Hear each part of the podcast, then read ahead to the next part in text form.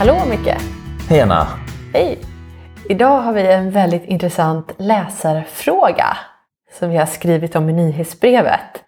Men det är så mycket att säga kring den så vi tänkte reflektera vidare. Vad är det för fråga? Ja, jag börjar med frågan. Det är hur gör man när man märker att man är beroende av ett visst mått dramatik och avstånd i relationen för att känna sig trygg?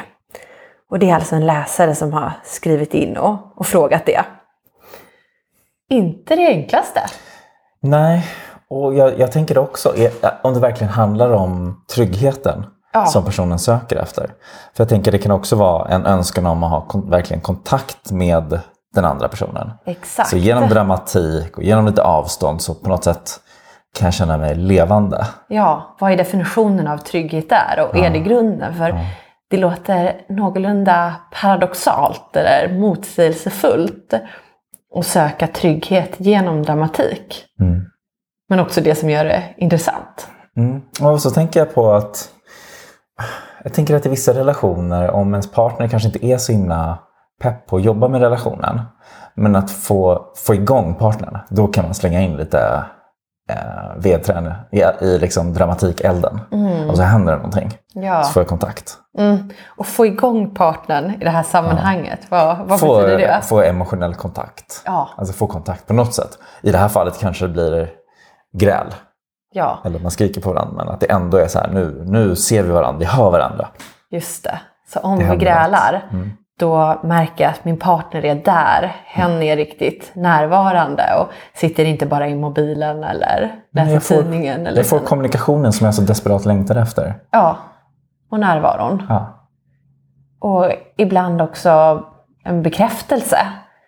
Jag tänker ett exempel kan vara om eh, jag skulle känna att du inte engagerar dig riktigt tillräckligt när vi skulle gå iväg på någon dejt en kväll. Mm. Och då skulle jag till exempel kunna säga att nej men jag kanske inte har någon lust att gå på dejt nu. Jag kanske bara vill vara hemma och läsa eller träffa någon kompis istället. Mm. Men egentligen är det inte det jag vill. Men genom att säga så, mm. vilket jag tror kommer provocera dig, så hoppas jag på att få reaktionen att eh, nej men jag vill jättegärna gå ut med dig och det har jag så sett fram emot och det är så fantastiskt att få spendera tid med dig. Mm. Att genom att jag eldar upp och skapar någon viss dramatik så kan jag få mer engagemang och bekräftelse Precis. av dig eller av, av en partner. Om vi tar det mer generellt. För i, gru i grunden låter det som att det i så fall är någon otrygghet du har och du vill ha bekräftelse på att jag verkligen älskar dig. Ja, i ett sådant exempel. Ja. Precis. Ehm, men om vi då går tillbaka till frågan så den tryggheten som kanske är den allra mest önskvärda i det här fallet tänker jag är en trygghet som inte skulle vara beroende av den här eh, bekräftelsen som vi nämnde nu. Nej, precis. För jag Utan, tänker att ja. den här personen som ställer frågan skulle nog inte ha ställt den om det inte vore ett problem på något sätt. Och mm. varför, varför kan det vara ett problem? Ja, och då är det om, om det inte finns en trygghet där som en grund utan att dramatiken behöver leda en dit. Mm. Så att jag tror att dramatik och avstånd i det här fallet kan vara en omväg för att nå dit som personen kanske egentligen vill. Ja. Och kanske lite slitande. Alltså, ja. Det kan, kan vara slitigt för relationen ja. om det är det som krävs. Det är en risk, precis. Både en omväg och en omväg som kan ha nackdelar med sig. Mm. Visst är det så. Mm. Vad, vad, vad, kan ja. vad, finns det för, liksom, vad är ett alternativt sätt ja, till en, att eh, skrika på varandra? En rakare väg att nå dit till att få trygghet och bekräftelse och närvaro. För jag kopplar ihop de orden också mm. med det. Eh, och en sak jag tänker på är att, eh, att öva på att aktivt avsätta tid då man verkligen ser varandra och hör varandra. Så att jag vet att mm, min partner verkligen engagerar sig helhjärtat i mig, även vid tillfällen då det inte är dramatik och gräl.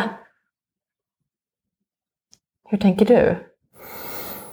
Ja, jag tänker att, att det kan vara kanske svårt i vissa relationer.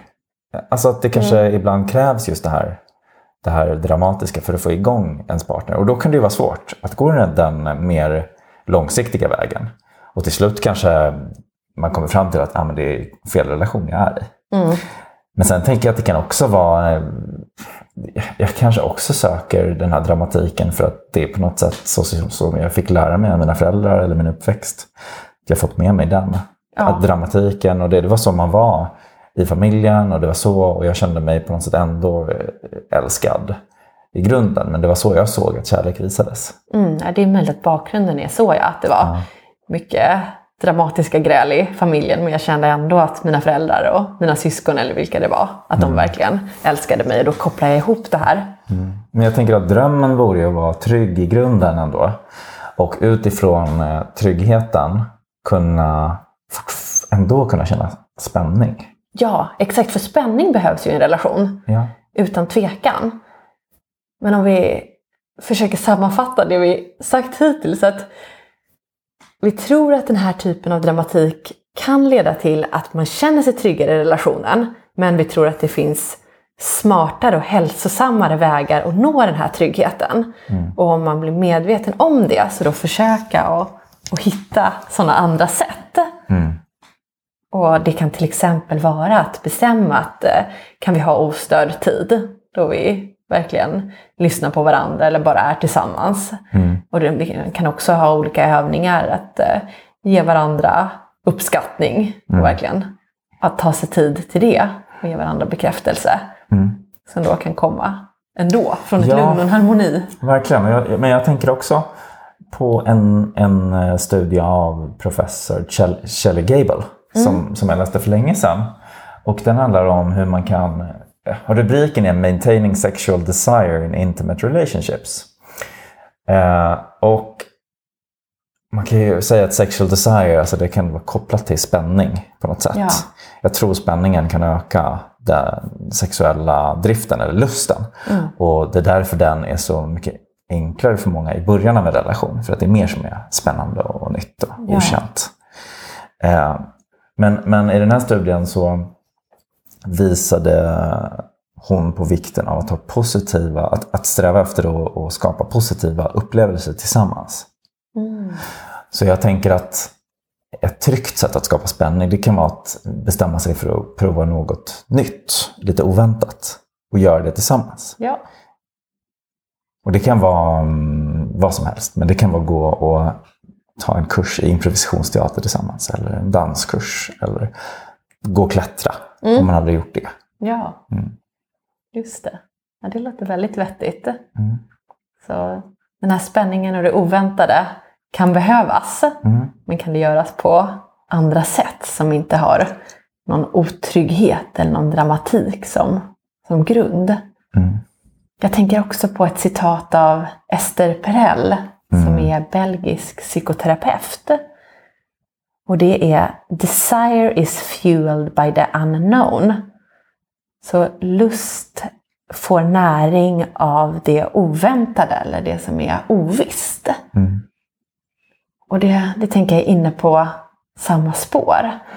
Att om allting bara går på rutin och är helt odramatiskt, Mm. då, ja, då är det risk att lusten försvinner. Mm. Så att det är jätteviktigt att hitta båda de delarna i relationen. Både det trygga och bekväma och det som vi är vana vid. Mm. Men också det här nya och spännande. Ja, och sen det är lätt att fastna också vid, vid, eh, vid den här ursprungsfrågan, tänker jag. Mm. Eh, men att det kan vara något annat som den här personen egentligen söker efter. Ja, det måste kanske inte vara eh, dram dramatiken och eh, avståndet kanske ger någonting. Men Ja. det kanske går att få det på annat sätt. Och jag tänker att, ja, men som kärlekens fem språk. Ja. Eh, bara det att tänk, jag tänker att om de blir bättre på att känna till varandras kärleksspråk. Hen kanske inte känner sig älskad riktigt och bekräftad av sin partner. Säg att jag har ett kärlek, bekräftande ord som, som mitt kärleksspråk. Och sen får jag aldrig höra några bekräftande ord. Då kan det bli någon så här, alltså jag känner mig bara inte älskad. Och då skapar den här dramatiken och sen får jag någonting som jag vill ha. Ja, när vi bråkar Så- då får du höra både det ena och det andra och även bekräftande ord. Ja, Kanske så, så jag tänker att där ja. kanske man kan hitta någonting Jag tänker också på det som sexologen och eh, terapeuten Malin Drevstam har skrivit om.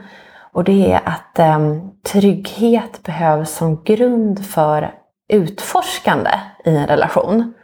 Och hon har en skala som går från otrygg till trygg till utforskande. Och så kan båda parterna i en relation befinna sig någonstans på skalan.